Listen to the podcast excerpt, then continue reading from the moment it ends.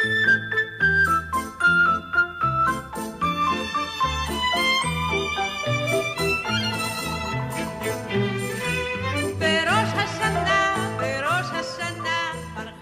אסיף, שמעתי על הפודקאסטים שלכם.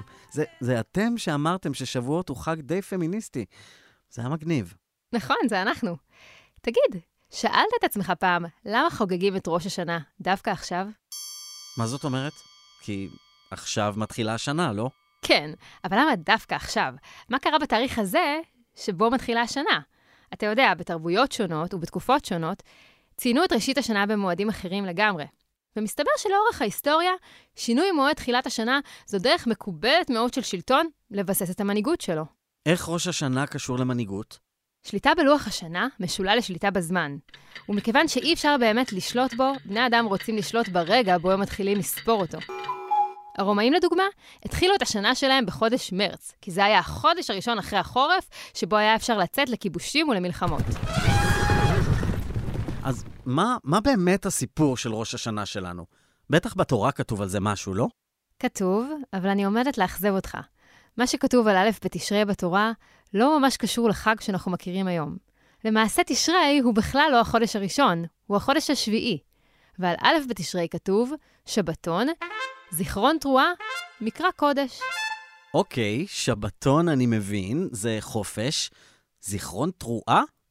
הגיוני שבחג מבקשים לזכור משהו, אבל, אבל הם שכחו לכתוב מה. אולי קרה להם מה שקרה לנו. יודעים שיש חג, אבל לא יודעים למה. כמובן, יש כל מיני פרשנויות. רש"י לדוגמה הציע שמדובר בחג לציון עקדת יצחק. והתרועה היא תקיעה בשופר, לזכר קרן האייל שהועלה על המוקד במקום יצחק. אל תשלח ידך אל הנער. באמת אין שום תיאור נוסף של ראש השנה בתנ"ך? האמת שיש. כשעזרא ונחמיה, המנהיגים של גולי בבל, חוזרים לארץ, הם עושים באלף בתשרי חגיגה גדולה, ובה מעמד של קריאה בתורה בפני כל העם. וארוחה מפוארת, והחלפת משלוחי מנות. או, זה דומה לאופן בו אנחנו חוגגים. החג של עזרא ונחמיה באמת מזכיר את ראש השנה שלנו, אבל הבעיה שלנו לא נפתרה, כי גם שם לא כתוב שזה ראש השנה. למעשה הדבר היחיד שקושר את המועד הזה לראשית השנה הוא שם החודש, תשרי. עד ימי שיבת ציון קראו לחודשים במספרים. כשעזרא ונחמיה חוזרים, הם מביאים איתם גם את שמות החודשים הנהוגים בממלכת פרס הגדולה. באכדית עתיקה, תשריטו משמעו התחלה. את רוצה להגיד לי שבאותם ימים הם לא חגגו בכלל ראש השנה? ברור שחגגו. באותם ימים, ראש החודשים היה חודש ניסן, בו חוגגים את חג הפסח. לפי התפיסה המקראית, מתחילים לספור את השנה במועד בו התרחש רגע ההולדת של עם ישראל. וזה היה כמובן ביציאת מצרים, באביב. נשמע הגיוני. אז הם חגגו את ראש השנה בניסן לציון ראשית העם? מעניין איך הגענו לחגוג את ראש השנה בתשרי. בימים שלאחר חורבן בית המקדש היה משבר גדול. רבים עזבו את ארץ ישראל, וכבר אי אפשר היה לקיים את החגים על ידי הקרבת קורבן משותף בבית המקדש. ופה נכנסים לתמונה חז"ל. החכמים, שרוצים להיות המנהיגות החדשה של העם, משתמשים בחג הזה כדי לבסס את התפיסה הרוחנית שלהם.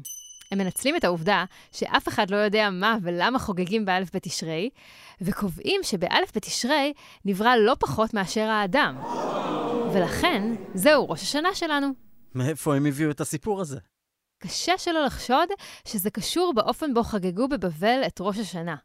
גם שם החג נקשר בבריאת העולם. נהגו להעלות בו הצגה שמשחזרת את סיפור הבריאה הבבלי, שבו האל העליון מרדוך היה עושה משפט על מעשה השנה החולפת וטקס קביעת גורלות לשנה החדשה.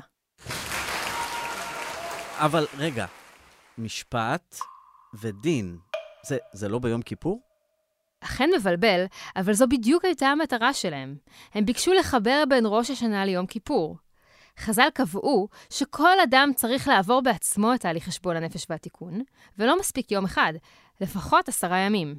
לתפיסתם, בראש השנה האל היה דן את האדם על מעשיו, ועד יום כיפור יש הזדמנות לבחון אותם, לבקש סליחה מחברים ולתקן.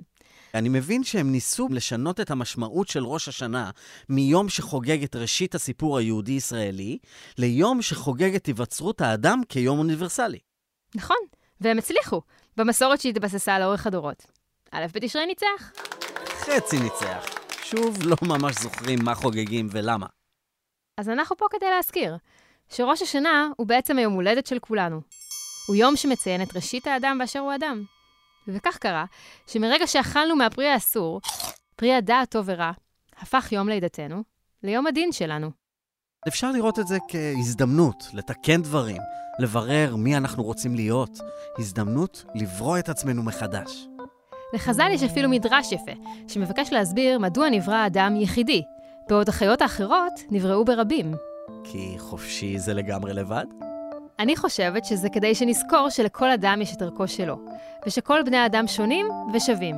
אבל ממש לא לבד, יאללה, חג, משפחה, חברים. תגידי, יכול להיות שמכל הסיפור בגן עדן מגיע המנהג לאכול תפוח בדבש?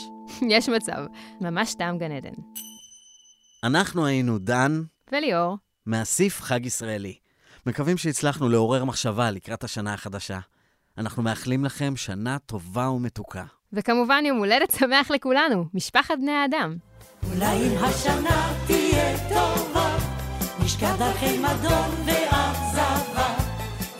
לפודקאסטים נוספים ולרעיונות יצירתיים לחג במשפחה, חפשו אותנו בפייסבוק.